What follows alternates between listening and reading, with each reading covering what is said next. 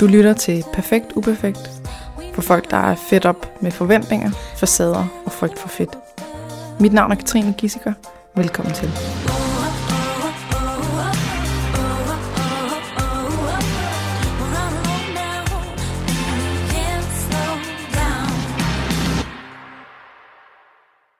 Rasmus Hinrichs. Henriks. Ah, Hinrichs. Ja. Det er nærmest bare et K jo, så Ja, næsten. Rasmus Hinrichs. Ja. Okay. Super godt. Ja, vel- velkommen til Tak skal du have. min podcast. Det var tak. dejligt, at du kom ind. Det var meget nemt.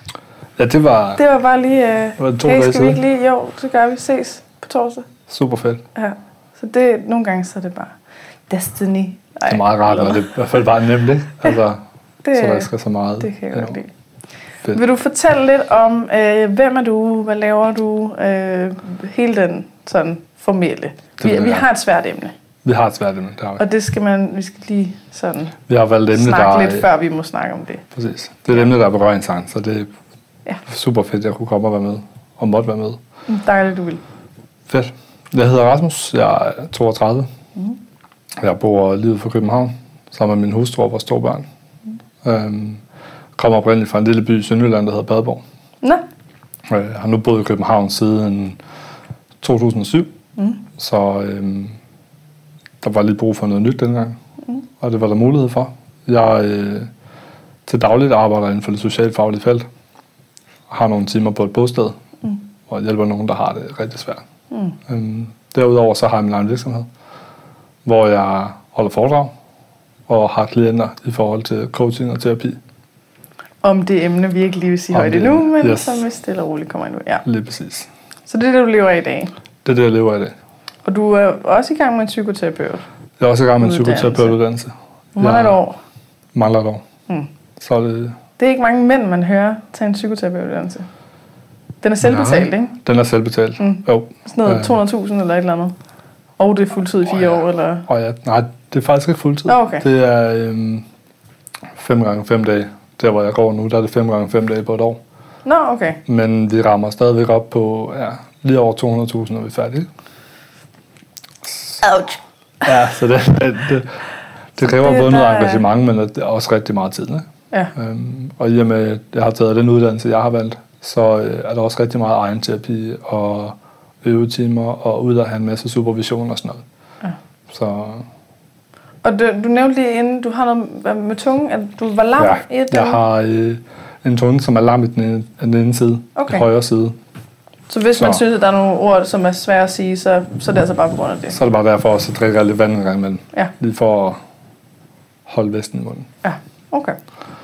Så Og du er øhm, for dig, det er svært ikke at, at sige, hvad det skal handle om, mm. men du er foredragsholder om noget, som er enormt tabubelagt.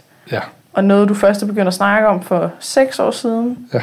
Noget, der er sket tidligt i dit liv, som Yes. har haft en masse konsekvenser, men som øh, ingen tør at tale om. Og nu skal der være sådan en trummevirvel. Nej, Oh. men øh, ja. Jeg kan godt fornemme, det, det er sådan noget, det, det er lige præcis det, den her podcast er til jo. Lige præcis. Og, øhm, og det er jo for at bryde emnet ned. Ja, Altså, det er for at bryde tabuet om det, men også den berøringsangst, der ligger. mm. Øhm, du kan jo meget hurtigt ødelægge en par middag ved at smide emnet på bordet. det, Altså. det må man sige. øhm, Og det er heller ikke noget, man siger på første date. Det er heller ikke noget, man, øh, man Nej. siger til en fremmed i køen i Netto. Øh, nej. jeg gør. Nå, okay. Man, man gør, men, men, du jeg, gør noget. Jeg gør okay. noget andet. Øhm, det er også fordi, jeg vælger at, at bryde det. Ja. Øhm, og tale om det, ligesom vi taler om, hvad vi skal have til aftensmad. Ja. Og der er noget af din familie, du faktisk har mistet. Ja, der er noget af min her. familie, som har, som har trukket sig væk fra mig. Ja. Ja. Og det er jo en af de ting, de sørgelige, sørgelige konsekvenser, der kan være af det. Præcis. Ja. Men et eller andet sted, så er det, øh, jeg bruger meget en metafor omkring en bog. Mm. Mm. At vi har en bog stående på hylden sammen, som øh, vi har en masse fantastiske minder i. Masse super gode historier, der er billeder og alt muligt andet. Nu skriver vi bare ikke mere i den sammen. Nej. Men vi har den stadigvæk til at gå tilbage og rente alt det, vi havde. Ja. Og så er det okay, og så så er det okay. behøver man ikke at sørge over, at det ikke er mere, Nej. men glædes over, at det var. Præcis. Det er totalt kliché, men øh, Jamen, det er, Det-. Men det er jo bund og grund det, er det blevet til af en grund. Præcis. Ja, okay. Nu kan vi vist ikke trække den længere. Nej. Så fortæl, hvad er det for en kæmpe tabu, som vi lige nu skal til at åbne op for og bryde? Vi skal bryde tabuet omkring incest og pædofili. Yes. Af Men, mand eller kvinde? Men Mand. præcis. Ja. Hvordan man som, som dreng kan blive udsat for seksuelle overgreb, og øh, hvad det giver af senfølger, udfordringer og alt det her, og især ved ikke at snakke om det. Mm. Og hvordan det så er stadigvæk at være mand, når man er voksen, selvom man har den fortid med sig. ja. Så hvis du nu tager os tilbage Ja, til det første minde, du har. Det første, den første gang, der skete noget, ja. Så starter vi fra begyndelsen. Der er jeg faktisk 12 år gammel. 12 år gammel. Yes. Så jeg har nået at opbygge en, en god, solid bund af følelser og alt muligt andet, inden det sker. Mm.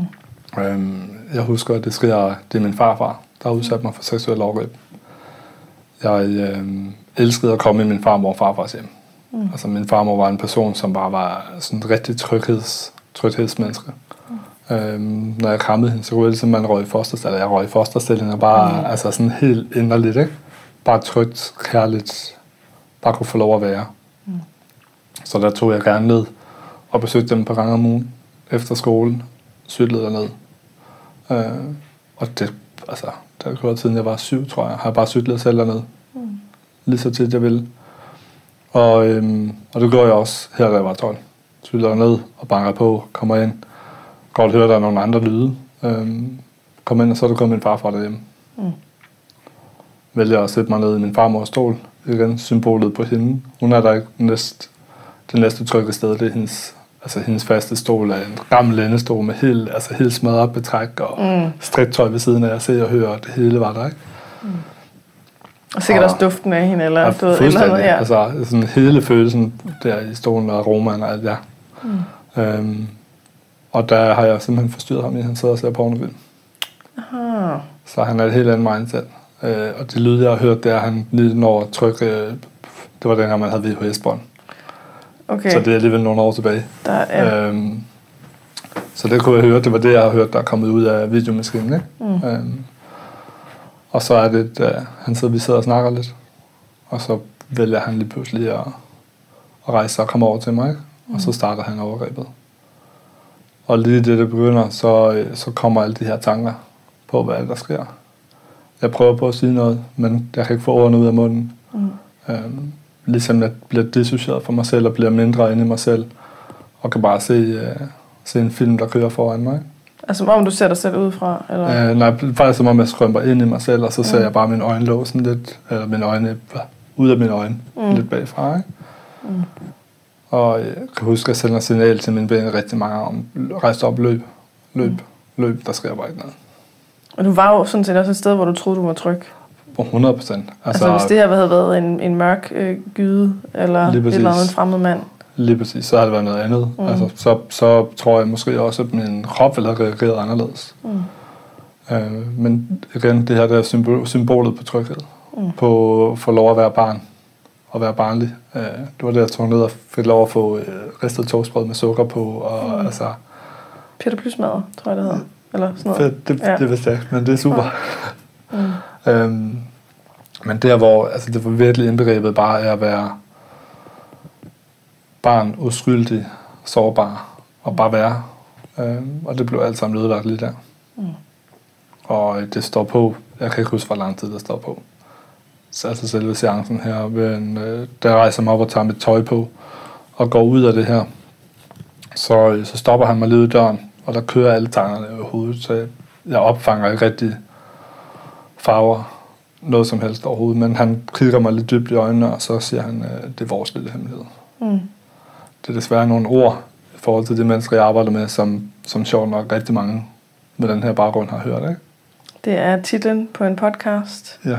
Fra tidligere Ja. med en kvinde, der er blevet udsat af seksuel overgreb af sin farfar. Sjovt nok.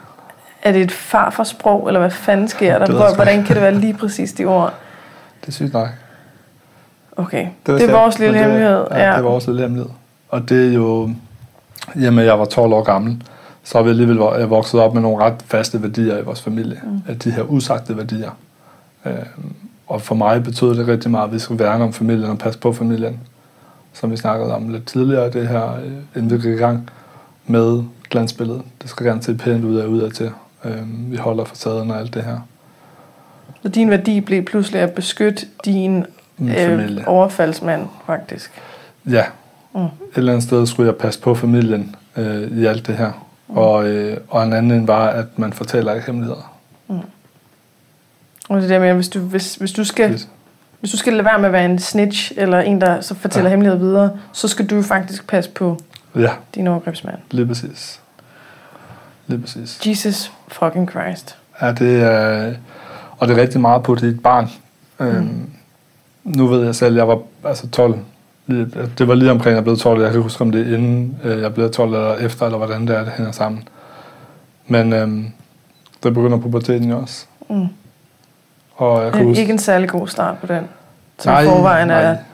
helvede at komme hjem. Præcis, og der, altså, der begynder allerede de her hormoner i kroppen, og altså, hvis man begynder at stå på alle mulige mærkelige Mm. tidspunkter, og altså, der sker mange, rigtig, rigtig mange ting i, øh, i min krop lige på det tidspunkt her. Mm. Øhm, og faktisk lige nu, når vi sidder og snakker, så kan jeg faktisk huske noget af det første, han spørger om, det er, om, øh, om jeg kan komme, altså med, med sæd, med sædafgang. Mm.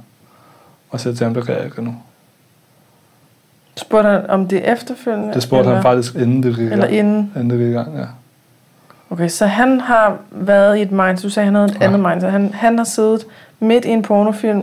Yes. Han har måske siddet og gokket. Ja, det gjorde han. Det, det gjorde han? Ja. Okay, var det noget du så, eller? Kunne jeg se, at han fjernede tæppet. Okay, at så der du var, så simpelthen, at det var det, der ja, ja. var sket. Og så har du været det nærmeste menneske, der lige har Ja. været. Og måske, kan man sige, at det måske har været tilfældigt? Jeg Altså- ved ikke, om han har... Altså, jeg tror ikke, han har planlagt det. Han har måske haft fantasier om det tidligere. Okay. Øhm, jeg har haft en del dialog med min bror, hvorfor det er mig og ikke ham, for eksempel. Ja. Hvor jeg har været lidt mere... Øh, jeg vil ikke sige den bløde, men måske den lidt mere sårbar. Hvor jeg har været nemmere, og, øh, som man i det sprog kalder grooming, men jeg har været ja, nemmere at grooming, det manipulere. har, man, det har jeg hørt meget. Lige Ja. præcis. Altså, så han har ligesom kunne pleje det her show her efterfølgende. Mm. Og op til også. Altså, Så det er den her måske ikke tilfældigt, at det lige var dig. Nej. Det kan godt være der.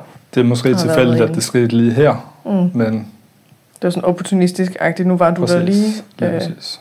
og ikke Det planlagt. ja. Okay.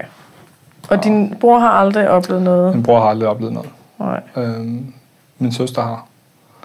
Også med farfar? Yes. Men det kommer, hvis, altså det er sådan efterfølgende i historien, finder vi først ud af senere hen, da jeg sådan vælger selv at stille mig frem med det. Øhm, har der så været nogle ting, øh, og så kan vi snakke danske retssystem og alt muligt, af, hvad for nogle paragrafer, der ryger ind under og sådan noget, ikke? Mm. Men hun er blevet pillet på og lidt af hvert. Øhm, Så jeg har fået lov til at dele hendes historie. Så Og hvor lang tid efter fandt du ud af det? det fandt jeg ud af for seks år siden. Så, Så da jeg begyndte at tale om det selv. er 26, 12, 14 år efter? Ja. Så 14 år efter finder du ud af, at din søster har oplevet noget Har lignende. Ja, 14 år efter, ja. Så du går rundt i 14 år og troede, at du var den eneste. Ja. Se, det er sådan noget med at opretholde facader. Det er bare fucking giftigt nogle gange. Det er Tænk, hvis vi havde vigtigt. snakket om det, og Og det værste er, at vi har faktisk haft dialog om det før. Øh, eller bagefter, jeg har fortalt det, hvor min søster siger til mig, hun har engang fortalt mig, at hun kunne lide at være dernede, når farfar var selv hjemme. okay. Hvor vi ikke har været så gamle, hvor jeg har svaret hende, at, at, at jeg ved det godt, at det kunne jeg heller ikke. okay. så der har været en Og lille så- smule. Der har været en lille, Men lille I har smule ikke ligesom at tage den videre. Nej,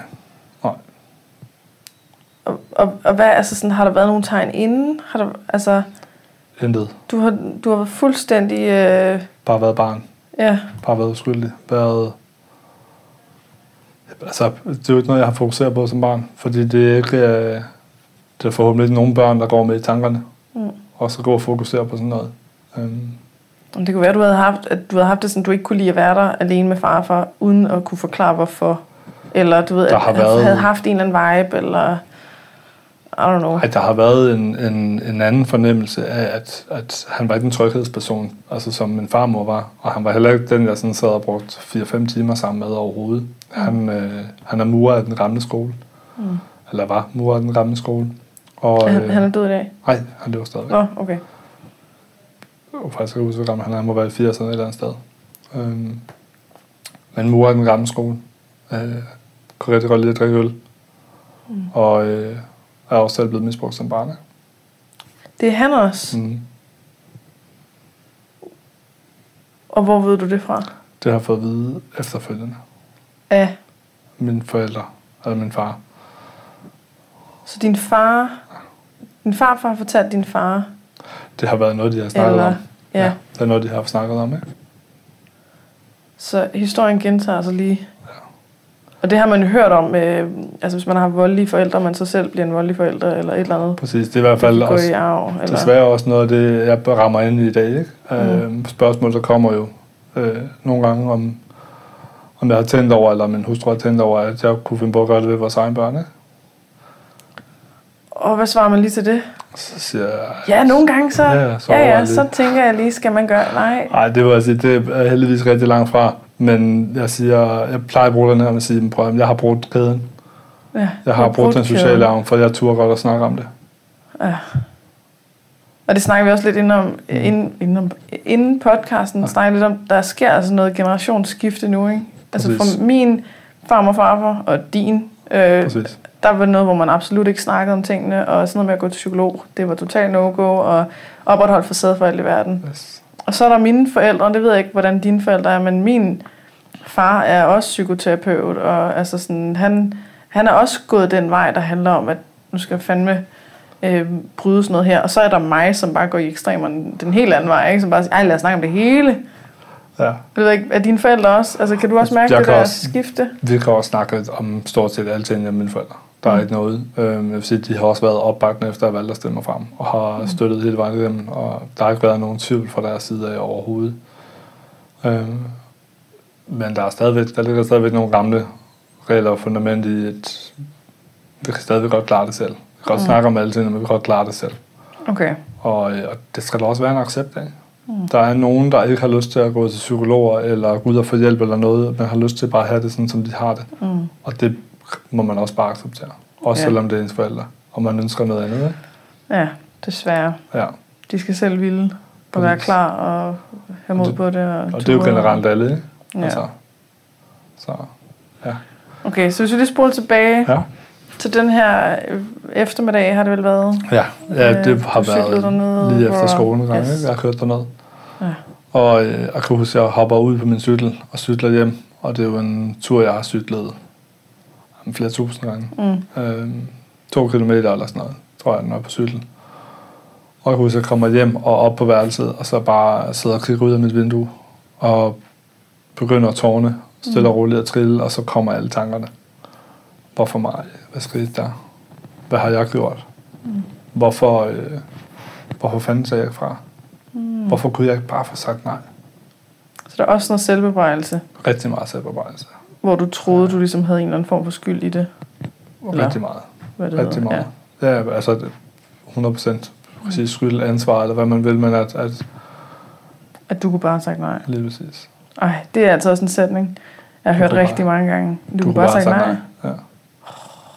Og den falder jo så ind Det skal være titlen til den her podcast. Det er, kunne bare have du sagt kunne nej. bare have sagt nej. Ja. Jeg kan godt lide den. Og man kan sige, det er jo, det, og det er jo med til at bygge, for mig dengang var med til at bygge rigtig meget skyld og skam på. Mm. Fordi der går jo... Jeg kan ikke huske, når jeg tænker tilbage, så kan jeg huske sådan to øh, sådan primære episoder. Og jeg kan ikke huske, om det hele er på samme tid, eller om det er to forskellige episoder. Mm. Fordi der er alligevel, jeg har brugt rimelig meget energi på at pakke det væk og ned i en kister og, og hælde ind bagved. Ja. Øhm, og det arbejder jeg stadig med i dag. Og et eller andet sted, er det, der har ikke noget behov for at vide, om det en eller to gange. Nej. Men der sker i hvert fald. Det er ret. Det er så fint.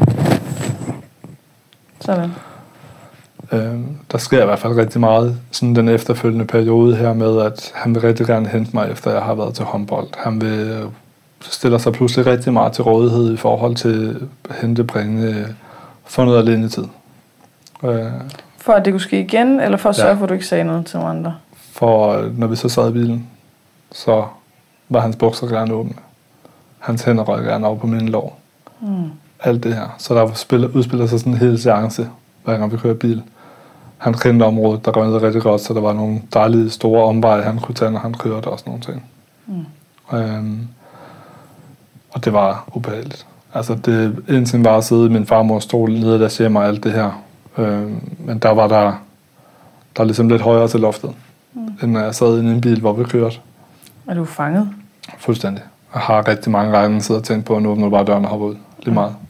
Kør 80, kør 100, kør 30, lige meget bare, bare ud. Mm.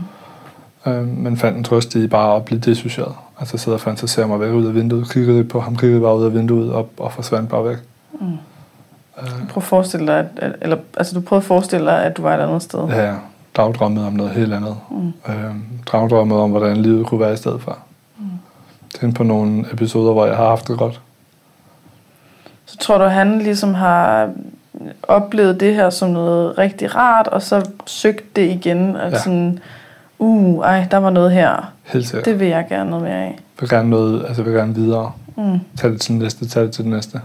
Mm. Øh, og det har været...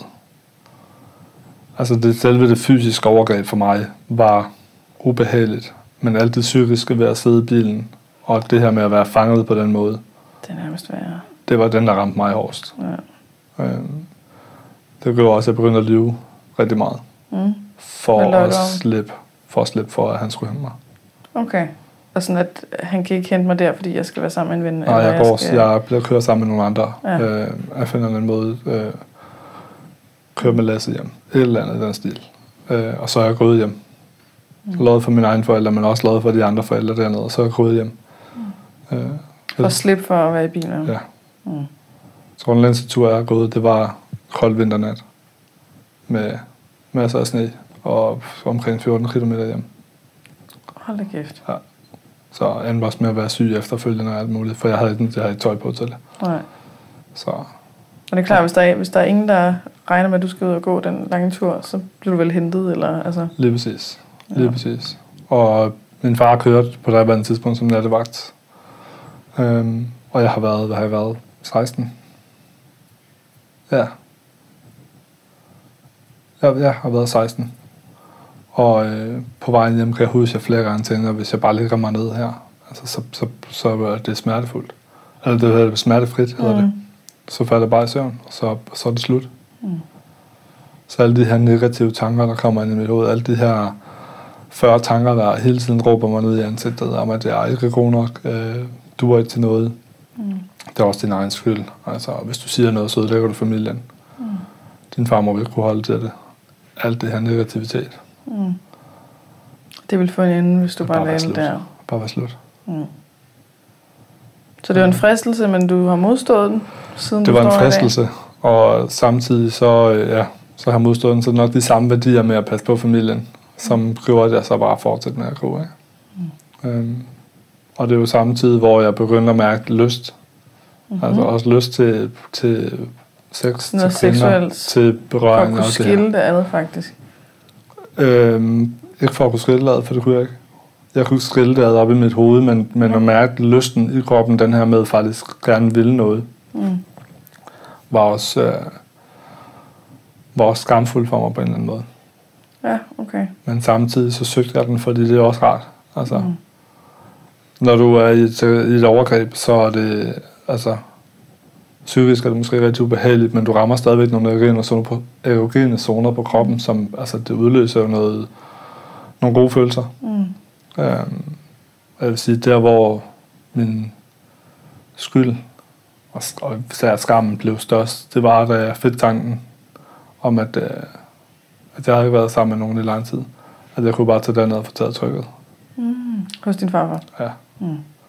Og den Faktisk tanke, lidt nogenlunde det samme, som hende, den anden ja. Også sagde. Hun sagde, hun kunne Mm. faktisk godt lide, altså når far får rørt ved hende, det fordi jo, han rørte nede på numsen og sådan noget. Det, præcis. så hun kunne godt være sådan, ej far, kan du ikke lige røre lidt længere nede? Men det er jo det her med, at, at vi har jo altså, vi har jo alle sammen de her steder på kroppen, som det føles rart. Og det gør det.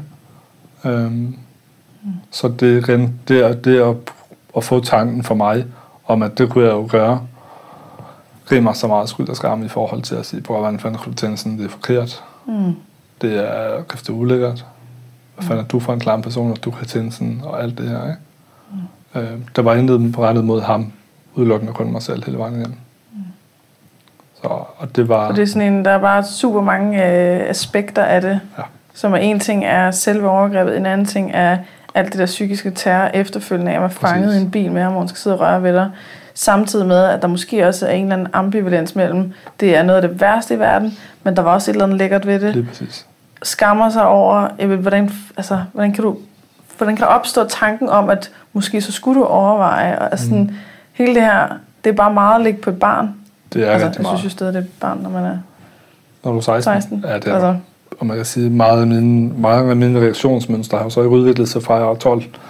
Fordi at et eller andet sted, så, øh, så har jeg prøvet på at overleve. Så der er kommet så meget nyt ind på den, lige på den konto. Så har det været mere observerende og se, hvad der fungerer. Mm. Læse andre mennesker. For at ja, passe det bliver man rigtig god til. rigtig, rigtig Ja. ja. god til. Finde ud af, hvad andre menneskers behov er. Mm. For at opfylde dem, fordi så, så ser de ikke mig. Mm. Det er nok med, at jeg ved, at jeg har den her grimme lille dreng inde i, der står og råber og græder og hele tiden vil have opmærksomhed, men det behøver andre ikke at se. Nej. Og så bygger man panser. Præcis. Ja. Og man kan komme til at, jeg kan komme til at virke utroligt glad. Mm. Jeg er sjovt nok ham, der altid hjælper alle andre. Øhm, jeg ved ikke, hvor mange gange jeg har været ude og flytte for andre mennesker, fordi jeg heller ikke kunne sige fra. Kan du ikke lige øh, hjælpe mig med at flytte Ja. ja. på søndag? Der kommer ikke nogen flyttemænd. Det er bare dig. Nej, jeg har fået, selvfølgelig. fået hjælp til at flytte Ja. to gange ud af ni gange, jeg selv har flyttet. Ikke? Så, Ja. Det er aldrig, øh, aldrig gengældt. Nej, er og et eller andet 100%. sted er det, er det jo lige så meget et tegn på det her med at bede om hjælp. Mm. Øh, Ja, det kan være begge dele. Det at sætte sig i en sårbar position, var det for mig at skulle bede om hjælp fra andre, bare til at, Mm. at flytte, hvis vi tager sådan en bagatel, ikke? Så øh, nu har vi været ved 12-årsalderen. Mm. Spole lidt frem. Der var fire år her, som var rigtig svære, og ledte til, at du faktisk havde den her gåtur i sneen. Ja. Overvejet, skal jeg bare ligge mig her, så jeg aldrig behøver at skulle tænke alle de her tanker igen. Og det er lige inden det her, der begynder jeg at finde ud af, at alkoholen er en rigtig god dæmper Yes. for alle tankerne, ikke? Jeg tænkte, der burde næsten komme et eller andet form for... Det gør der også. her. Den, øh, den begyndte ja, lige omkring 15 års alderen, lige inden. Hvor jeg fandt ud af, at så kunne 40 tanker godt bare blive til 8. Mm. Og det kunne jeg sådan bedre håndtere. Mm. Øhm, og fandt ud af, at hvis jeg kunne få andre folk til at ringe og lave nogle skøre ting og lave noget mærkeligt og sådan noget, så, øh, så fungerede det sgu meget godt. Mm. Og det gjorde også, at jeg tog på efterskole i en alder af 16. 15. 15. Øhm, og så tog jeg afstand. Så kunne jeg jo komme hjem i weekenderne og drikke mig super fuld med alle vennerne. Mm. Så i hverdagen, der kunne jeg tage på efterskole, og så kunne jeg have ro på der, i forhold til at være langt væk fra ham. Mm. Så, øh, så allerede der begyndte flugten i det. Og, øh, og det fortsat i flere år med alkoholen. Ja, så når du kom hjem fra efterskole, så blev det stadig sådan din Ja. pluk, det var alkohol. Ja. Mm. Øh, mange fester, masser af ballade. Mm. Omgangskreds af kammerater, jeg har haft i længere perioder, og vi havde også snakket om følelser. Mm. Det var godt øjne, ikke? Ja. Men, men altså, vi havde snakket lidt ned i at bare kærestesover og sådan nogle mm. ting. Men vi snakkede ikke om følelserne inde i os. Nej. Så det hele, det hele omgangskredsen blev det mere sådan en, en gruppe gutter, der hang ud og hyggede sig og festede, men det hele var facade, ikke? Mm. Og vi lavede altid noget sammen. Altid. Hvis vi drak, så tog vi biffen, lavede noget andet, kørte en tur. Hele tiden. Mm. Så jeg var heller aldrig alene. Nej. Fordi, Så det var sådan flugt fra at være alene. Sørge for, at der hele tiden sker noget. Der er hele tiden Præcis. nogen i nærheden. Der er hele tiden nogen, jeg skal lave noget med. Der er hele tiden præcis. en fest. Der er hele tiden et eller andet. Det fandt jeg nemlig ud af, da jeg tog på efterskole. Aha. Der er man ikke så meget alene. Nej. Der er rigtig mange andre mennesker. Øhm, og fandt ud af, at det var en rigtig god flugt for mig. Så slipper man sig for at holde, øh, man slipper for at forholde sig til Lige præcis. det der Lige præcis. mørke. Ja.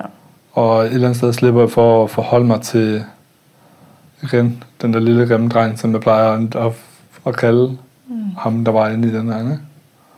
Så, fordi han fik jo bare tæsk, hver gang han prøvede at stikke næsen frem, så fik han lige, øh, fik han lige på næsen og røg tilbage igen. Ikke? Mm. Og øh, vil sige, det, de efterfølgende år, derfra jeg var 16 til jeg er 18, var jeg ikke ret meget hjemme, og øh, viste en anden adfærd. Mm. Øhm, det har jeg allerede gjort fra, jeg var et yngre, begyndte at vise lidt mere udadreagerende adfærd. Øh, det har kostet nogle nye døre hjemme med mine forældre, og mm. det har været gennem tiden. Du kommer til at smadre døre Ja, i har reddet dem ud af dørkammen, øh, ødelagt dørkammen på et par døre og sådan nogle ting.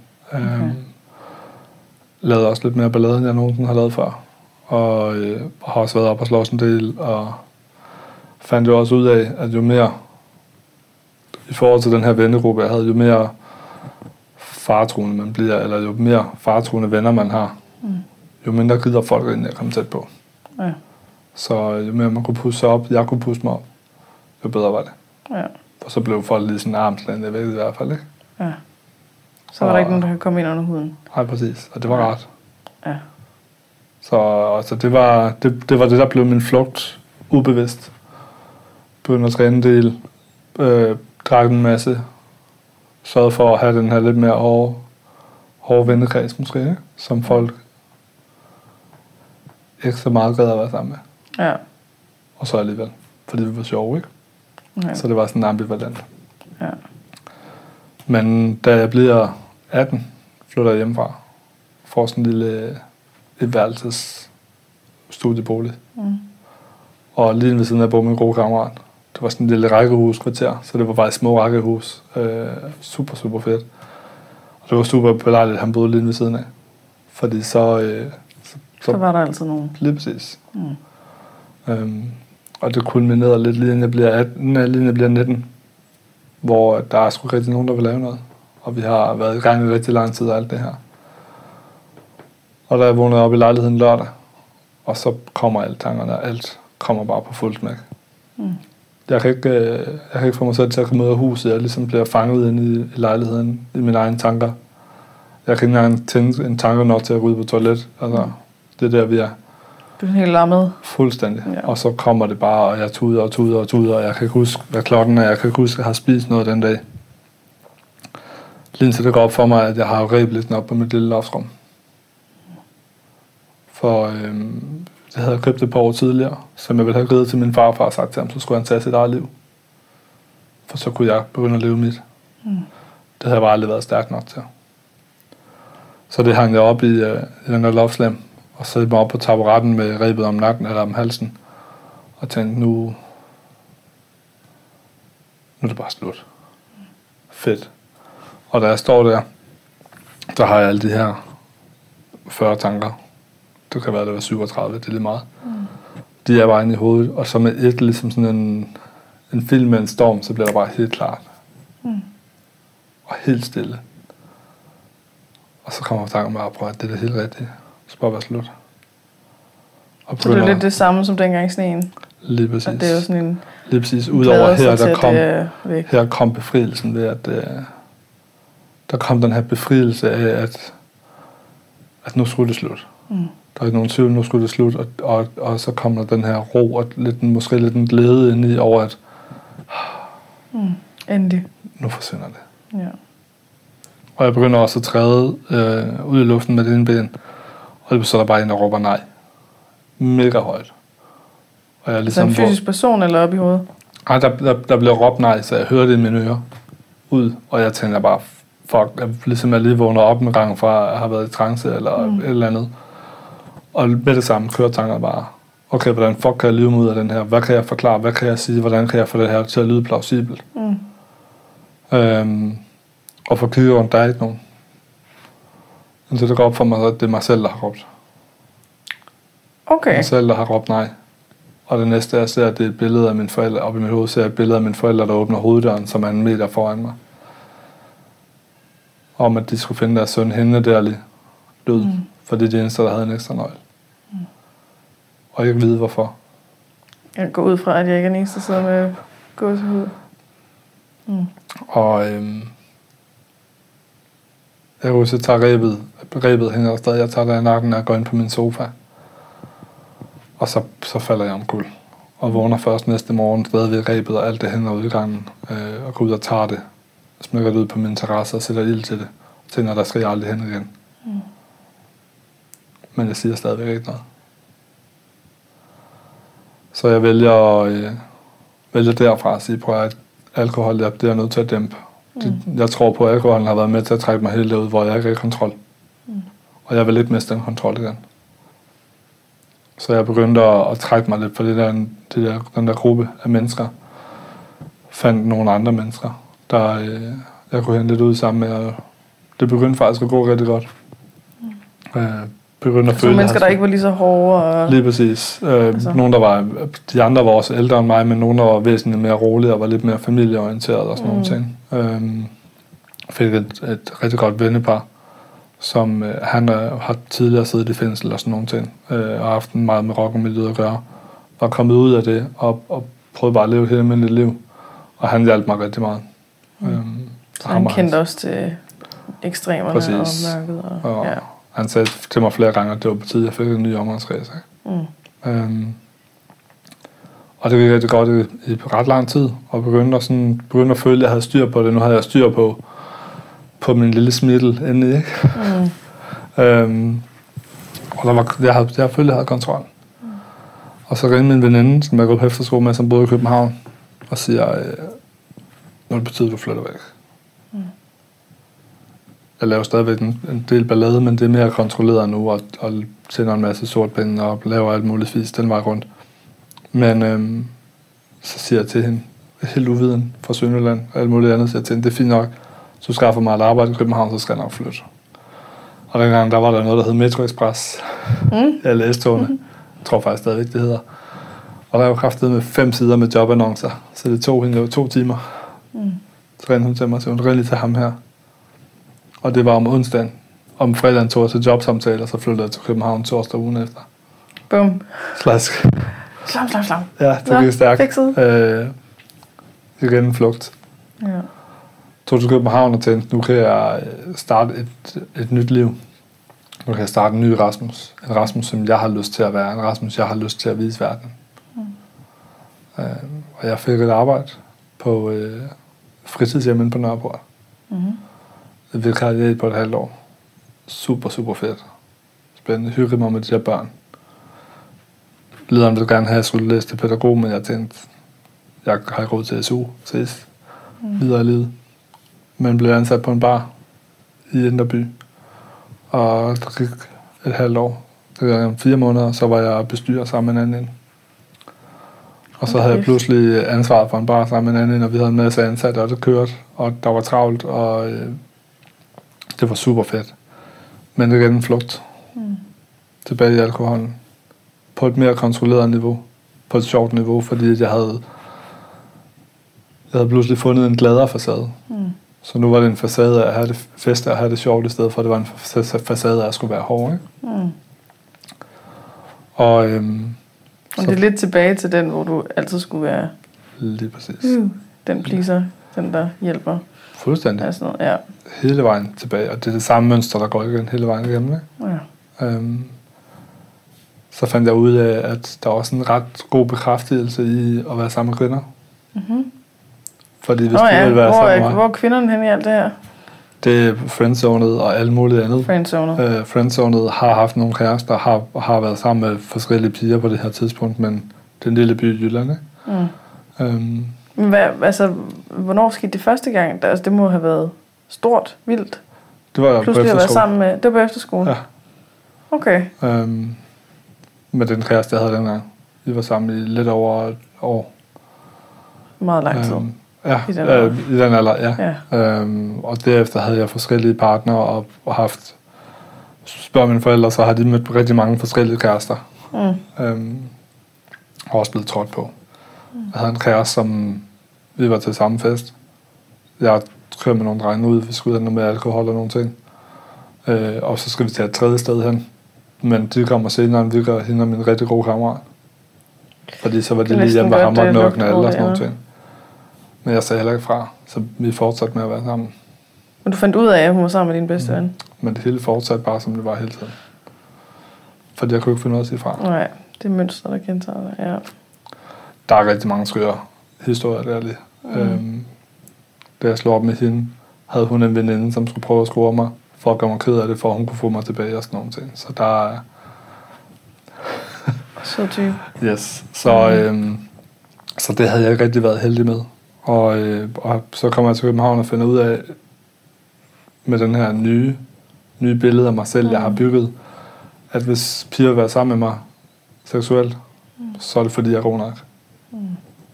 Og øh, når man arbejder på en bar, så, så, så møder man mange forskellige mennesker. Øhm, og det brugte jeg desværre lidt meget tid på. Mm. Nu siger jeg desværre. Det vil faktisk godt ret. Det har stadig været med til at give mig en masse sjove oplevelser. Mm. Og lade mig møde en masse fede mennesker. Jeg ville ønske, der var nogle ting, jeg havde gjort anderledes. Mm. Øhm, indtil jeg møder en kvinde, som, øh, som lige på ældre end jeg. Mm-hmm. Så hvor der er super god kemi, og vi fortæller hinanden i en periode, at vi, vi er kun venner. Der er ikke mere af det. Vi er kun venner, og, øh, og jeg har egentlig en kæreste. Um, og vi har ikke lavet noget overhovedet. Mm. Og så slår min kæreste op, og så er vi stadig kun venner. Og det ville pludselig slut med kun at være. Mm. Og vi dater en tre måneders tid. Og det, det hele kører for mig her. Jeg har arbejdet, jeg er leder, jeg har, det, det hele kører på overfladen. Mm. Og det er så også den, jeg er begyndt at tro på selv. Mm. Så jeg ser ikke alle de der farsignaler inde i mig selv. Jeg ser ikke alt det negative, fordi jeg har også fået overbevist mig selv om, at den her facade, jeg har bygget op, det er mig. Mm. Så det er ret Fordi nemt. man virkelig gerne vil tro på det. Præcis, ja. præcis. Og det var virkelig, virkelig nemt. Jeg kunne ikke forstå, øh, at jeg sad i min lejlighed og, og pludselig fik rigtig dårlig mave. Og gik ud og sad heldigvis lille Københavner toilet. gik, øh, gik derud og sidder på toilettet og har det rigtig, rigtig skidt. Lige pludselig begynder at kaste op øh, for svedtur. Mm. Ender med at sidde med en kold bruser hen over mig. Og vågner op nede, lidt nede på gulvet i mit eget lort og bræk. Mm. Det tager jeg ikke engang som farsignal. Mm. Og det er så de ting, der sker lige inden jeg møder øh, den her kvinde. Og øh, vi dater en tre måneder, og jeg er sådan lidt, fuck. Det føles rart, men det føles også puha, og det, jeg siger nej til mange ting, hvis jeg vælger at gå ind i det her og sådan noget. Mm. Øhm, så jeg prøver at forklare mig selv rigtig mange ting op i hovedet, at, øh, at det skal du ikke, det der. Og jeg vælger at ringe til hende og sige, prøv at, altså, det skal vi. Det skal vi ikke der. Jeg har lavet den her mange gange før, så jeg ved godt, så bliver hun ked af det, så siger jeg sådan og sådan, så gør vi det og det. Det går hun så ikke.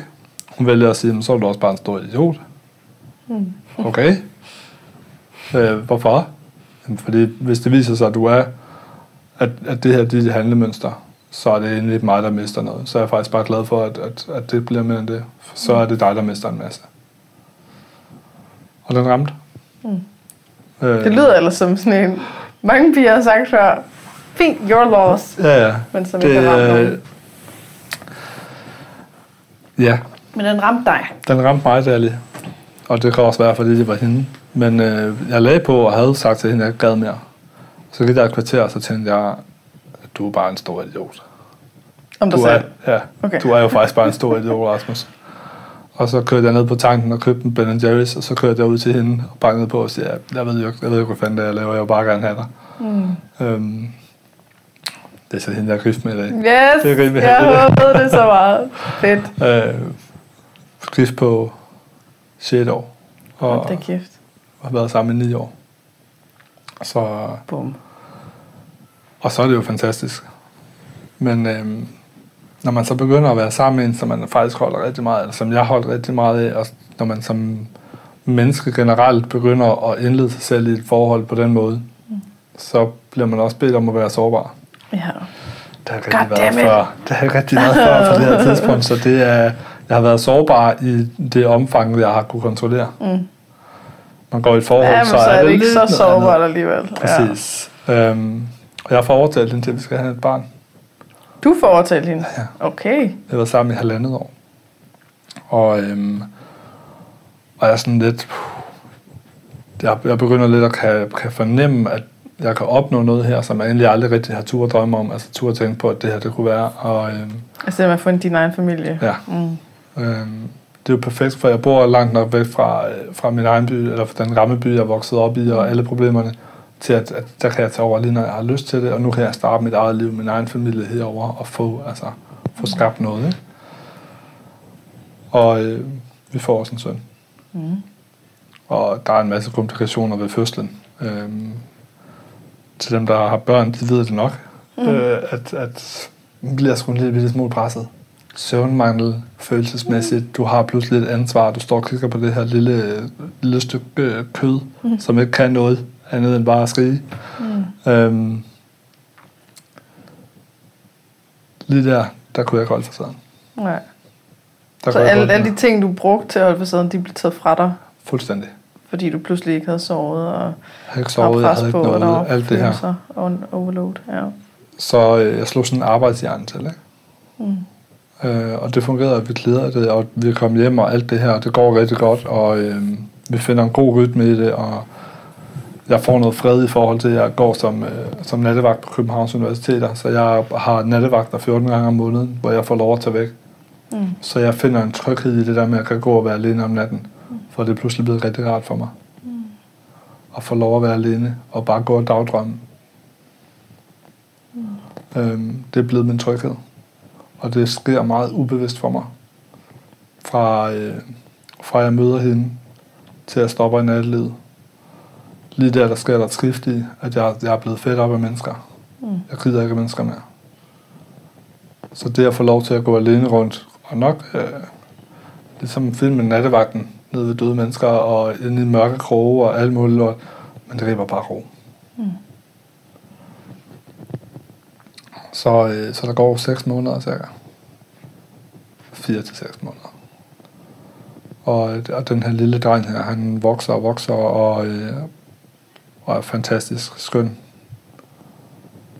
Men jeg bliver presset så meget, at min vrede begynder at vise sig rigtig meget igen. Mm. Som har været et rigtig styrende element for mig. Som jeg ikke rigtig kan kontrollere. Mm. Jeg får ikke sovet. Jeg får ikke noget som helst. Øh, vi lever nok ikke så sundt, som ville have været smart at gøre. Mm. Øh, Det har man heller ikke overskud til, hvis man ikke sover. ej, jeg vil sige, det var... Jeg er glad for, at vi er blevet klogere. Jeg er også glad for, at vi ikke skal tilbage dertil igen, fordi der var super mange frysepizzaer. Altså, mm. det er bare ikke sundt for kroppen. Mm. Øhm, så, øh, så jeg, i stedet for at vise, at jeg var træt, i stedet for at vise, at jeg var ked af det, hvis jeg var ked af det, i stedet for at vise, at jeg var frustreret, hvis det, det var, det jeg var, så viste jeg kun vrede. Mm. Og øh, det resulterede i, at jeg har råbt rigtig meget, og kastet med på fjernbetjeninger, og skældt ud og smækket døre, og det samme mønster, som da jeg var yngre, sjovt nok. Mm.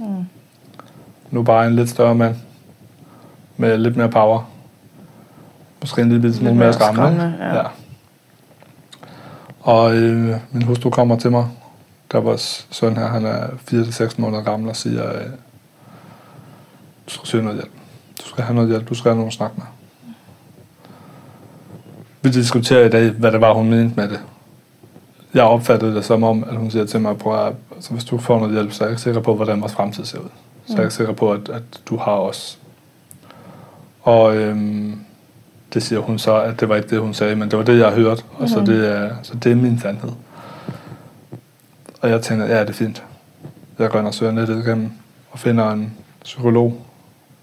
Hun har nok ikke været så lang tid i faget, så jeg tænker, hende kan jeg snore. Mm. Ligesom jeg har lyst til at køre rundt i Malaysia, som det passer. Og øhm, man gør ikke noget ved det. Mm. Lad den bare ligge der, hvor den er.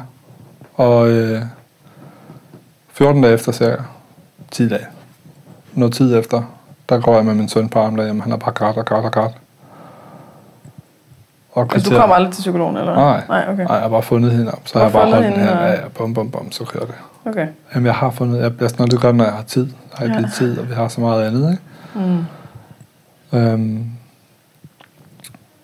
går min søn på armen. Han har grædt i rigtig lang tid. Jeg har gået med ham måske på armen i halvanden time eller sådan noget. Og det så slår min hjerne bare klik. Så vil jeg bare skrige den her lille dreng ned i hovedet. Hold nu kæft. På fuld smæk. Og det gør han også. For han bliver så chokket og forskrækket over, hvad der lige skete der. Så han ligger og kigger på mig, og der er tårnet af hans kinder, for han har formentlig ondt i maven eller et eller andet. Og lige der gik det op for mig, at, prøv at jeg er ved at blive til alt det, jeg ikke har lyst til. Jeg er ved at, hvis jeg ikke tager ansvar ikke tager mig sammen, så bliver jeg alt det, jeg ikke har lyst til, min søn skal have. Så det var wake-up call. Fuldstændig. Mm. Og dagen efter rendte jeg til psykolog. Og jeg kan huske, hvor lang tid efter, men så tog jeg til psykolog to gange. Og så fortalte jeg hende det hele. Det var første gang, du fortalte om overgrebet. Yes. Og så senere hen fået at vide, at jeg har prøvet at fortælle det til to ungdomskammerater, jeg i skole med. Men det har jeg fortrængt. Okay. De har rækket ud til mig, efter jeg begyndte at stå frem.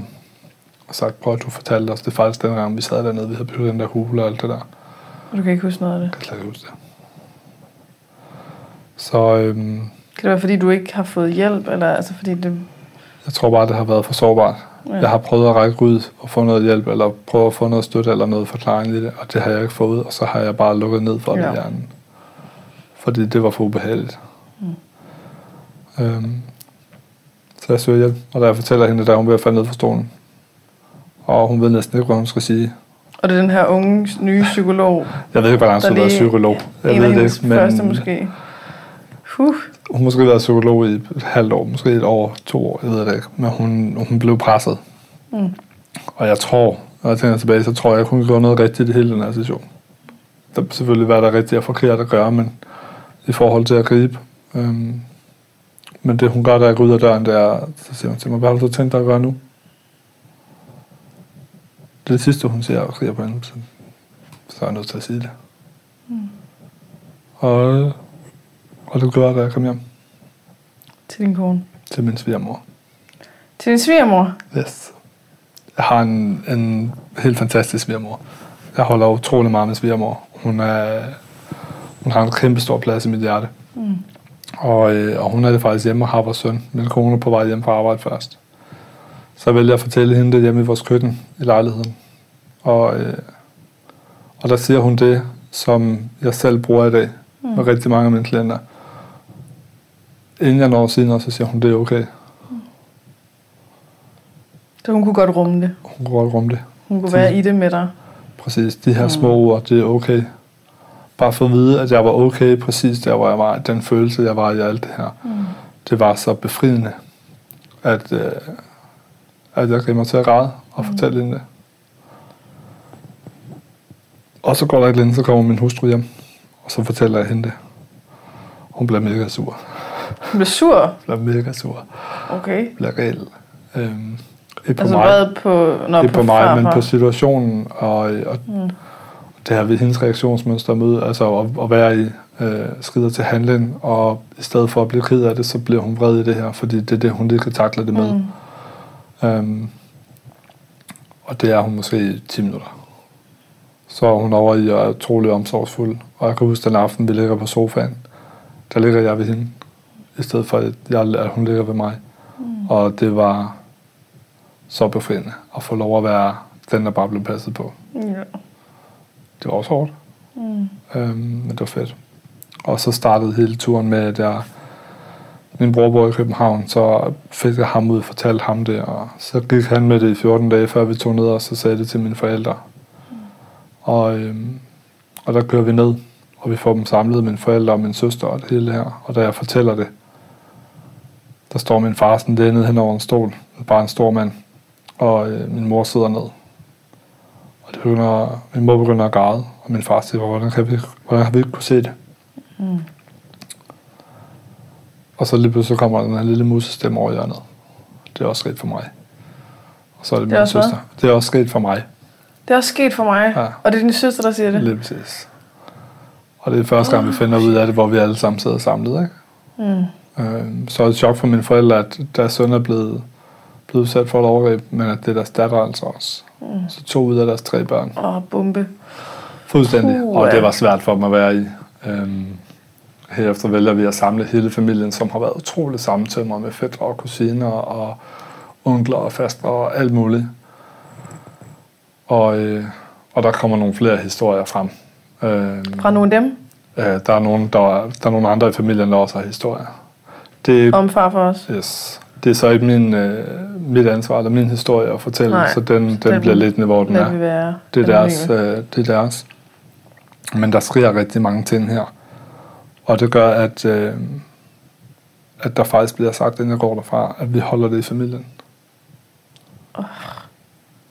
Og det er, jeg tror ikke, det har været, når jeg tænker tilbage, jeg tror ikke, det har været ment som om, at det skulle altid holdes i familien, men det har været ment som om, okay, vi skal lige finde ud af, hvordan vi takler det sammen som familie og de her ting. Øhm, men jeg får en eller anden anden drivkraft i, at det er også sket for min søster, Mm. at jeg går til politiet ugen efter. Ja. Og øh, der er der nogle familiemedlemmer, der ringer til mig og beder mig om at lade være. Ja, det er klart. Fordi jeg skal tænke på familien, jo. Ja. De bor i et lille samfund. Hvordan vil folk pege fingre, hvad vil folk ikke sige?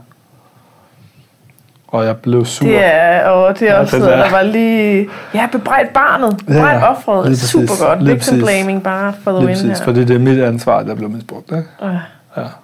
Nu skal du, ja, ja, det kan godt være, der sker, men nu skal du lige tænke på os andre, ikke? Ja, ja. Prøv at tænke på, hvad folk vil tænke om os. Lige præcis. Åh, oh, luk røven. Som jeg vil sige det. Det er dejligt. Og det, og det var det, jeg kæmpede mod, for jeg blev så vred, for det var for første gang, jeg endelig havde valgt at lytte til mig selv og lytte til mit behov. Ja, Og nu er der nogle andre, der beder mig om, at jeg gør det.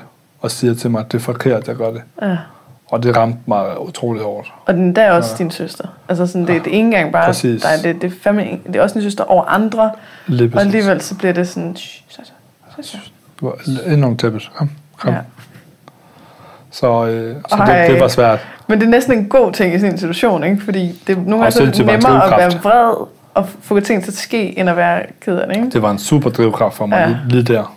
Øh, og jeg har jo arbejdet meget med det efterfølgende, så et eller andet sted, som jeg sagde til dig før, mit familiebillede har jo været smadret i mange år. Mm. Og det er jo først lige der, jeg smadrer deres familiebillede. Så det er jo også en måde for dem at prøve at være i det på. Mm. Altså det er jo et helt liv øh, med minder og alt muligt andet, der bliver smadret. Mm. Så, øh, så jeg bebrejder ikke nogen af dem i dag for det, de har gjort. På ingen måde overhovedet. Jeg, jeg sidder i en situation, hvor jeg tænker, at jeg håber, at de sidder et sted, hvor de bare har, har en accept af, hvor de er i deres liv i dag. Fordi det er... Det skulle det, jeg håber for dem. Mm. Og de reagerede, som de havde brug for, for at kunne være i det, der skete, og det skulle okay. Og, og hvad, du kontakter politiet? Kontakt Skete der noget? Ja, ja. ja. Altså... Jeg tog, øh, tog ind til... Jeg havde en kammerat, der sidder i politiet. Ringer til ham. Så siger han, jeg er for tæt på til at tage den. Mm. Men jeg sætter lige ind til en af mine kollegaer. Så jeg tager ind på Station City. Øh, og min søn han bliver selvfølgelig syg den dag, jeg skal derind. Så jeg har faktisk ham med på skødet. Mm. Og sidder og fortæller øh, politimanden det hele her. Og så fordi det er Sønderland og den anden kreds, så skal det først sendes over, og så kommer der alt muligt byråkrati, og det gider vi ikke gå ind i, fordi det, er, det, er, det er et helt andet regelsæt og en helt anden mindset. Øhm, men øh, han bliver anholdt. Jeg de ned og henter ham til afhøring. Og så tilstår han sgu det hele. Som i øh, det hele? Det hele. Han tilstår... Øh, Både dig og din søster og de andre? Eller Nej, fordi dig? de andre, dengang var der jo øh, nogle af dem, der var der forældelsesfrist på. Øh, og det var der også på min søsters, fordi at han ikke har haft en finger inde, eller gjort noget, men det har været ude på tøjet, så hedder det Ah. blodfærdighedskrænkelse. Så det var der en kortere forældelsesfrist på, så hun kunne ikke nå at melde det. Ej, Det, det der med, at der er mange regler og, og sådan noget, der, Åh, der skal nej. vi ikke gå ud. Det er vi skal helt, slet ikke ind i at kritisere retssystemet, for så bliver Den- vi aldrig færdige. den tager vi en podcast på den Ja. tidspunkt. For det er en hel snak i sig selv. Men han, han erkender hele forholdet med mig. Øhm, Ej, jeg skal lige to sekunder. Hmm. Ja, godt. Jeg er klar igen. Ej, men noget Undskyld, der, jeg, jeg, jeg at det bliver værre endnu. Bare vent. Åh, altså, nej. husk at trække vejret. Eller Ja, nu. tak. Fordi øh, så skal han i retten øh, i juli måned, og forsvar, min forsvarsadvokat, eller anklageren hedder det, jeg ved ikke, hvad det hedder. Mm. Anklageren mod ham ringer til mig og siger, øh, han, i og med, at han har øh, erklæret sig skyldig, så behøver du ikke komme og vidne. Så det Okay. vidneudsagn, vi har fra dig, det er okay. Og jeg tænkte bare, yes, for så kan jeg bruge fokus på bare at, at prøve at komme videre og komme tilbage til det her liv. Altså komme tilbage i en rytme, hvor siger at komme tilbage, men finde en rytme, mm. hvor det faktisk er mig som menneske, og ikke det, jeg prøver at sætte op der. Ikke? Og du har ikke, vel ikke set din far for mange år her, eller hvordan?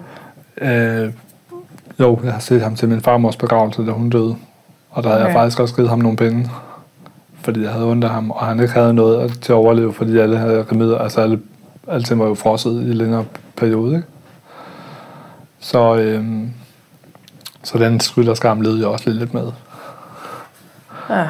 Og hvad, det har været før, Det var to før, år før. du sagde det til Ja. nogen, ikke? Jo, to Men det år var før. sidste gang, du så ham, indtil du Ja, skulle måske ind i retssagen og vidne Ja. mod ham, men det skulle du så ikke alligevel. præcis. Okay. Og, øh, og da retssagen den oprandt der, øh, der er vi på ferie. Og tænker bare, yes, det er dag. Jeg venter bare opkaldet og alt det her. Hvis du Og- siger, han bliver frikendt, så er du nødt til at, at trække dig igen. Det gør han ikke. Bare roligt. Okay, godt. Men øh, så ringer anklageren til mig, så siger hun, Rasmus, jeg, jeg har en god og en dårlig nyhed. Så siger jeg, det er en lortesætning at starte med. Kan du bare sige, hvad fanden der er sket? Så siger hun, jo. Øh, han har erklæret sig skyldig i nogle af forholdene, men øh, så har erklæret sig, øh, altså sagt, at han er uskyldig i mange af dem. Så, så han har så trukket sin tilståelse tilbage. Yes, lige præcis. Så tænkte, hvordan kan det lade sig gøre og sådan nogle ting. Og vi sidder og snakker, har en længere dialog, og jeg kan mærke, at det hele inde i mig, det ramler bare sammen. Nu har jeg lige brugt nogle måneder på at, at prøve at komme til et sted, hvor jeg kunne være i fokus med min hustru og mit barn og alle de her ting. Mm. Øhm, og det ramler bare alt sammen ind i. Og så siger hun, ja, der skal en ny retssag, hvor du skal ind og vidne. Jeg tænkte bare, fuck nej. Det, det, nå. Så går lige en tid, før den retssag den kommer. Øh, den kommer først i november måned. Slut oktober eller november, jeg kan ikke huske det 100%. Hvor lang tid efter det? Det er tre måneder. Tre måneder. Okay. Og øh, jeg beder min bror om at tage med, for det er over i Sønderborg, hvis jeg kører over. Øh, beder min hustru om at blive hjemme, for jeg har brug for, at hun kan være der til at gribe mig, når jeg kommer hjem. Mm. Så hun ikke er med i hele det der følelsespres, der ligger på at have været i retten og alt det her. Og vi tager derover. Vi henter min mor og min søster, som også tager med ud til retten. Øh, og har, for at passe lidt på familien, så har jeg bedt om at have en lukket retssag. Mm. Og så navneforbud, ikke? Og det, det er fint. Jeg kommer ind, og alle folk går ud, journalister og hele lortet går ud. Kommer ind og sidder derinde, og så skal jeg vidne. Mens han sidder og kigger på mig. Sådan tre meter væk sidder og kigger på mig. Øhm, sidder fem mennesker foran mig. Anklageren og hans forsvarsadvokat. Og jeg har aldrig nogensinde været så bange i hele mit liv. Mm. Altså jeg er på det her tidspunkt 26. Og jeg er træner del, så jeg var sådan en, en semi-stor mand på det tidspunkt. Og øhm, jeg følte mig som den 12-årige lille dreng. Ja, det er klart. Jeg sad og rystede, sad og svedt. Øh, Jeg havde lyst til at græde. Og fortæller det hele, som det er. Hvad jeg kan huske, alt det der er sket. Og der er ikke nogen, der har forberedt mig på, at så må hans øh, forsvarsadvokat jo begynde at stille spørgsmål. Og det skal man også lige have med oveni. Problemet er i det første, han siger, det er, at, øh, at jeg sidder og lyver. Han siger ordret, du sidder og lyver. Det der, det er aldrig sket. Må man godt det? Der var ikke nogen, der sagde noget til ham. Øhm, og jeg, jeg, Objection! lige Ja, præcis. nå. det, var, det var desværre ikke som en amerikansk. Øh, Nej. Men øhm, jeg kan huske, at jeg bliver sur. Og det hjælper mig lige der. Så jeg knytter bare begge hænder op og, og sådan sætter dem hårdt ned i bordet og siger til ham, prøv jeg kan fortælle dig præcis, hvad der sker. Jeg kan fortælle dig, hvordan det føles. Jeg kan fortælle dig det her, det her, det her, det her. Jeg har gennemlevet det så mange gange de sidste fire måneder. Det er ikke noget tvivl for mig. Mm. Så satte han sig ned igen. Nå, Øh, det var. Dommeren, dommeren sagde dog lige til mig, at jeg skulle lige trække vejret, lige få ro på igen. Ikke? Og det er fint. Jeg- Hvordan var det med victim blaming der? Det er rigtigt. Ej, det var så fedt, ikke? Må du Også- lige stoppe med at have så mange følelser af Ja, det her, sgu- bare fordi, at der er folk, der siger, at du lyver? Ja, du må sgu sidde her og blive sur og, øh, Nej. og vise din frustration, når du er ked af det. Du skulle lige trække vejret. Ja, det var sygt. 10. Det var sygt. øhm, men så må man jo så komme ind og sidde. Han, dommeren spurgte, om jeg så ville sidde derinde, og han skulle have sin dom, og tænkte, det vil jeg gerne. Det, på, det vil lige være lige på sløjfen. Så er den pakket ind, ikke? Og jeg sætter mig ved, ved stolen lige ved døren. Altså lidt eller det, jeg sidder her, mm. som øh, for jer, der lytter med, er cirka 30 cm mellem døren og stolen. Mm. Og øh, han får en dom, og bliver glad skyldig i det hele. Det jeg så ikke lige tænkte over, det er, så må han jo rydde og votere med hans advokat. Og fordi jeg har bedt om det er en lukket retssag, så er døren låst, og der står en retsbetjent ude på den anden side af døren. Mm. Så de går hen, og står, han står lige ved siden af mig. Og bare, der bliver banket på døren, og det tager måske 5 sekunder at få døren låst op, og det kommer ud. Men i de 5 sekunder, er muligvis de værste 5 sekunder i hele det her forløb. Fordi jeg holdt ikke Det min hemmelighed. nærmest... Hvad? Jeg holdt ikke på hemmeligheden. Nej. Jeg har beskyldt ham for noget. Mm. Så den her lille dreng inde i ham, han, lige så snart han kom tilbage og sagde, ja, de tager imod dommen og alt det her, rejste ham op og løb bare ud fra. Ja. Så han fik en dom Han fik en dom. på hvad? 6 måneder Fængsel. ubetinget. Han kom ikke i fængsel. Han blev bare kørt hjem bagefter. Og erstatningskrav på 11.000. Men det er altså, sådan, det en, snart, ja. en, altså, hvad betyder et betinget halvt år? Betyder Seks- det, at man seks- bare skal lade være med at, Ja. at angribe Det hvis han- små børn i seks måneder, og så er det fint? Eller hvad? Ja, eller hvis han gør det altså inden for øh, to-fem år, et eller andet, så, så bliver den her dom udløst. Så hvis han får en dom mere inden for så og så lang tid, så skal han sidde de seks måneder også. Hmm. Ja. Det er vores retssystem. Men du fik 11.000 kroner. Ja, Så er det der et fint plaster på det sår der. det, det kan da i hvert fald halvdelen af de udgifter. Nej, det går det. Det er måske 10 procent af de udgifter, jeg har for at få det hjælp, jeg skulle have bagefter. Ikke? Så øhm, jamen, det er fedt. Men det, er i, i næsten, bund og grund, øh, I bund og grund, så var det fuldstændig ligegyldigt. Det var fuldstændig ligegyldigt, hvad han fik, eller hvad det var, men ja. han blev dømt. Og det var det, der for Det mig var også, at du for første gang har fået den støtte i, at Præcis. Jeg fik folk har troet på dig, Yes. du er, det er helt okay, du har det. Alt Lige der, præcis. ja. lige præcis. Okay. Og så startede er der jo en, en ja, Ja. må man sige. Og så startede der en lang rejse derfra, med udvikling og to på kurser og uddannelse, og og så heldig, at jeg kunne komme med på Tony Robbins øh, coaching event i London, mm. hvor min hustru siger til mig, at hun rigtig gerne ville have mig med. Fordi hun var bange for, øh, hvad der ville ske, om vi måske ville være rykket fra hinanden, hvis hun tog afsted alene og sådan nogle ting. Og jeg tænkte, ja, hvis jeg siger ja, så holder du til kæft. Så øh, det kan jeg godt lige Du bruge fire og dage på. Lige præcis. ja. Og tænkte, hvad fanden skal sådan en idiot lære mig om? Så kan jeg sidde og grine mig ned bag lokalet. Mm. Problemet var bare, at han lige stod og fortalte 20.000 mennesker om de følelser, jeg sad med. Ikke? Ja. Og, øh, og så derfra startede rejsen. Da jeg kom hjem derfra, så, øh, så begyndte jeg virkelig at få hjælp. Men det er stadigvæk det halvandet år efter retssagen. Mm. Så der gik stadigvæk halvandet år efter retssagen, før jeg fik noget, noget hjælp. Fordi jeg troede, jeg havde styr på det. ja. Fordi alle de der indtryk, jeg har fået fra, jeg var barn af, hvad en mand er. Mm. En mand klarer sådan noget selv. En mand ordner oh, de her ting alene. Ja. Det er det giftige uh, Yes. macho-pis. Lige præcis. Ja. Ja. ja, men mænd skal ikke vise følelser på den måde. Nej. Det skal ikke være sårbar så meget. Det kan godt være lidt sårbar, men det skal være kontrolleret og alle de her ting. Mm. Som vi også synes, og en af de ting, jeg bryder ned med min foredrag, det her, er jo, at prøv, at- du bliver skudt mindre maskulin af det. Tværtimod. Mm. Tværtimod, så kommer du til at hvile med dig selv. Mm. Og øh, efter jeg har erfaret, hvad det er for nogle følelser, jeg har i kroppen, og lade dem være der. Og lade dem vise, når det kommer. Mm. Altså, decideret være ked af det, når jeg er ked af det.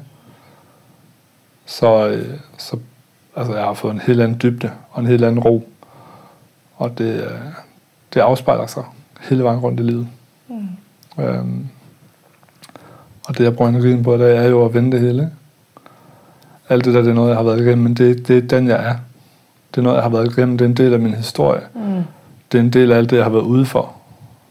Lige så vel som man kan have været ude for at brække foden til en fodboldkamp, eller brække tæerne til en balletteam, hvad ved jeg. Mm.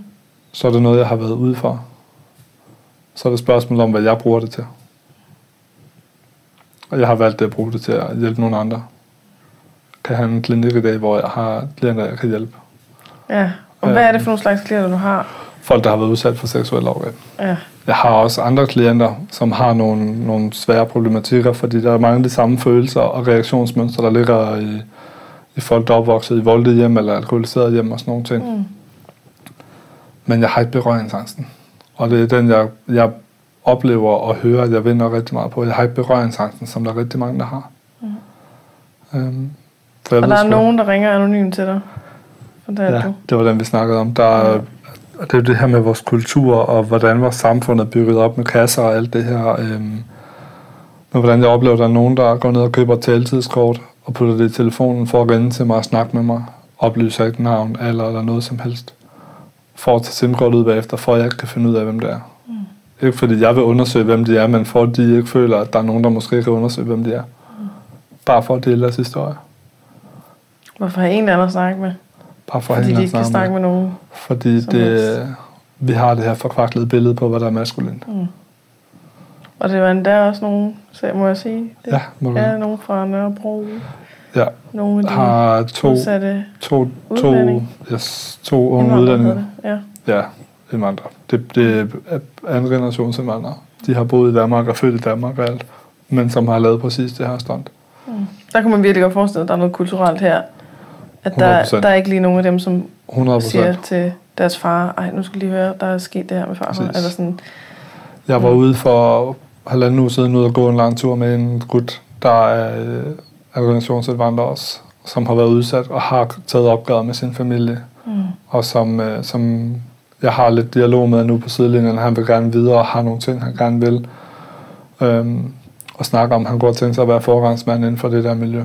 Øhm, med, Åh, den, med den kultur, og det er altså Det, det er mega inspirerende. Altså ja. han er en fantastisk, fantastisk ung mand, og, øhm, og han har rigtig meget på hjertet, og det er fedt at kunne få lov at være, for mig få lov at være med på sidelinjen og se ham tage det spring ud, hvad der gør, at han kan hjælpe nogle andre.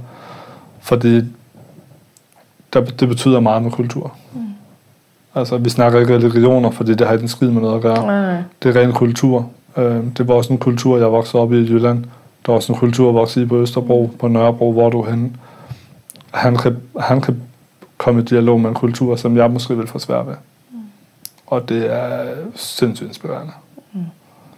Så, Det er fandme sejt. ja, det er, jeg har stor respekt for ham, det har jeg. Rigtig, rigtig stor respekt for ham.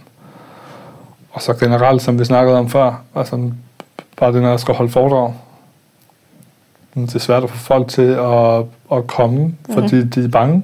Det er klart. Der ligger den her frygt forbundet med det. Altså, Det er meget sårbart. og som, Hold nu kæft. helt sindssygt. Mm. Og som du sagde tidligere, med at blive forbundet med det. Mm. Og jeg vil, jeg vil fandme ikke like hans ting på Instagram, fordi hvad tror folk så ikke om mig? Ja, ja. Og hvis jeg nu deler det opslag, hvad fanden, hvad, hvad tænker folk ikke? Mm. Altså, jo flere, der gør det, jo, jo nemmere bliver det for os alle sammen at ligesom sige. Gud ja, vi har alle sammen alt muligt lort med Præcis. os, og skammer os og alt det der. Ja. Jeg blev kontaktet af en kvinde fra Tyberon. Okay, Altså, altså, er- røven, simpelthen. Det er, det, det er virkelig, virkelig langt op i Nordjylland, ikke? Ja. Jeg elsker, elsker det. Altså, øhm, hun ringer til mig. Hun skrev først til mig, så hun måtte ringe, og så ringede hun til mig. Og øhm, vi snakker, og så spørger jeg hende, hvordan hun egentlig har fundet ud af, hvem jeg er. Mm. Men det har hun ved, at hendes veninde har set, at en af hendes bekendte, hun har gået på skole med for mange år siden, har liket det. Hold da kæft. Og det er bare et like. Ja. Altså et lille, et, en eller anden, der sidder et sted og laver en lille like, rammer en dame, der sidder i Typeron, og som har brug for noget dialog, har brug for nogen at Som, snakke hvor med. det ender med, at hun rent faktisk får noget hjælp Præcis, på grund af det like. præcis. Det er fandme vigtigt. Og, og det er bare, hvad et lille like gør. Mm. Så et eller andet sted skal vi, jeg synes ikke, at vi skal være så bange for at, at turde, hvad den like dele, skrive noget, men bare, bare dele en holdning omkring det her. Mm. Fordi det er det, der gør, at der ikke er nogen, der sidder og føler, at de er alene. Mm. For det er den følelse, vi sidder med. Ja. Og den er, li- det er en ekstra add-on i Mm. det lort. Det er, at ovenikøbet også er den eneste i hele verden, der Lige præcis. har det sådan, eller har oplevet det, eller tænker de tanker. Præcis.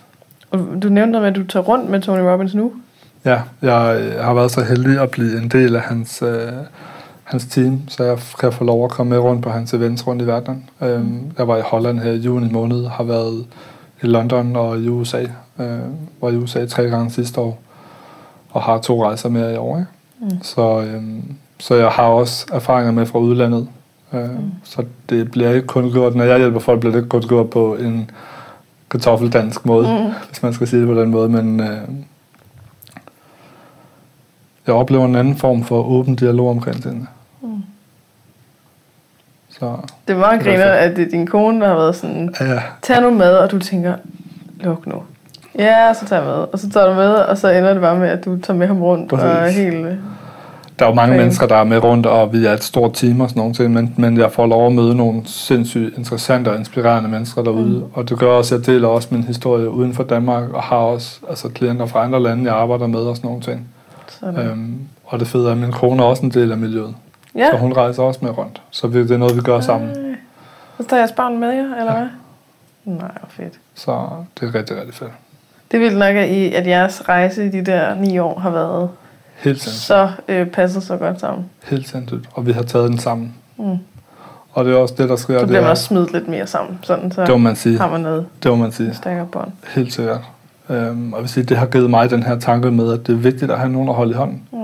Fordi det er, altså prøv at skal arbejde med sig selv, det er fandme svært. Er du sindssygt lige meget, hvem du Og er. alle, alle, alle de der, sådan, især mænd, som mm. tænker, sådan noget med at arbejde med sig selv, ikke?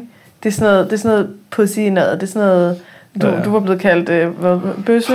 Er jo bøsse, fordi jeg er blevet misbrugt af en mand. Ja. som, som noget nedladende, og det er jo ikke nedladende, det ved vi godt, men så fordi det, det bliver sådan en ting, at du skal bare øh, Præcis. mobbes, eller der skal tages afstand, eller et eller andet, man bare præcis. sådan, okay, hvis vi nu tænker i, hvad er det, hvad er det for nogle ting, der, der sådan er seje, hvad er det for nogle ting, der er, øh, der virkelig kræver noget af os, det er at være sårbar, det er at dele ting, det er at bede om hjælp, alle de her ting, ikke? Så hvordan, hvordan har vi misforstået det så meget, at vi tror, at jamen, det der det er sådan noget, det er sådan noget blødt, øh, sådan noget, øh, you're such a pussy, et eller andet, ikke? Ja. Sådan, ej, det er fandme ikke for tøsdreng. Ej, det er det ikke. nu, så, Det er det så fandme. fordi du ikke har prøvet det. Prøv lige at gå igennem. Det er det noget af det mest hardcore, der gør så latterlig nas. Og alt det med at flygte fra, det det nemme. Altså, Præcis. det er ikke at stoppe op og mærke alt det lort, man flygter fra, ikke? Og mange mænd har det med, at jeg klarer al fysisk smerte. Ja, ja. Så det psykiske, det Er der det skal meget lille? Ja, ja, præcis. Ja, men det er det der, Øhm. det skal vi simpelthen have ændret. Og jeg vil sige, det, og det er jo meget den modstand, jeg møder, øh, men faktisk rigtig meget den dialog, jeg får. Mm. Det er jo, at der er rigtig mange mænd, der kontakter mig. Det er ikke dem, der dukker op, når jeg holder foredrag. Nej, det er Det er klart. det. Men det er mange gange dem, der ringer for at dele deres historie, for at sige, prøv at jeg er her i dag. Jeg var her en gang. Mm. Har brug for anerkendelsen i det. Og du hvad, det, det mest befriende for mig gennem alt det her, øhm, det har været at lære mig selv at kende, og kan skrive mig hen og være sårbar over for min hustru, mine Mm. børn og for andre mennesker. Mm. Og så jeg ved godt, nu sidder jeg og deler min historie her, og jeg holder foredrag og noget. Jeg vælger at være sårbar på den ting. Men der er også nogle situationer, hvor jeg kun vælger at være sårbar over for min hustru. Mm. Fordi det bliver mere intimt. Ja. Og mange tror, når, når du laver personlig udvikling, og du arbejder med dig selv og sådan noget, jamen, så bliver du bare sådan en flower power, og du render rundt i zen mode. Mm. Ej, fuck nej. Jeg er stadigvæk den sure idiot, en gang imellem. og jeg kan også stadigvæk råbe højt. Ja. Så det, det du lærer undervejs, det er, at du lærer også de ting, du kan lide ved dig selv, at det er en del af dig, og Mm. du kan arbejde med dem, du kan bruge dem som en ressource, i stedet for det er det, der er med til at holde dig tilbage. Mm. For så er det det, vi fokuserer på. Ja. Huh, Det var en lang historie. så er vi ved at være ved vejs ende ja. på rejsen. Hvad, hvad hvis nu man, man sidder derude og tænker, okay, øh, jeg, jeg, jeg er nødt til at have noget mere af det her. Jeg, jeg kan genkende noget. Jeg har, jeg har brug for at snakke med ham her. Ja. Hvad, hvordan, øh, altså, der er foredragene. Der er foredragene. Hvordan øh, kommer man ind på dem? Jeg har øh, en Facebook, Mm? øh, som hedder, den hedder RH Coaching. Øh, men så har jeg også RH RH Coaching. Coaching, Ja.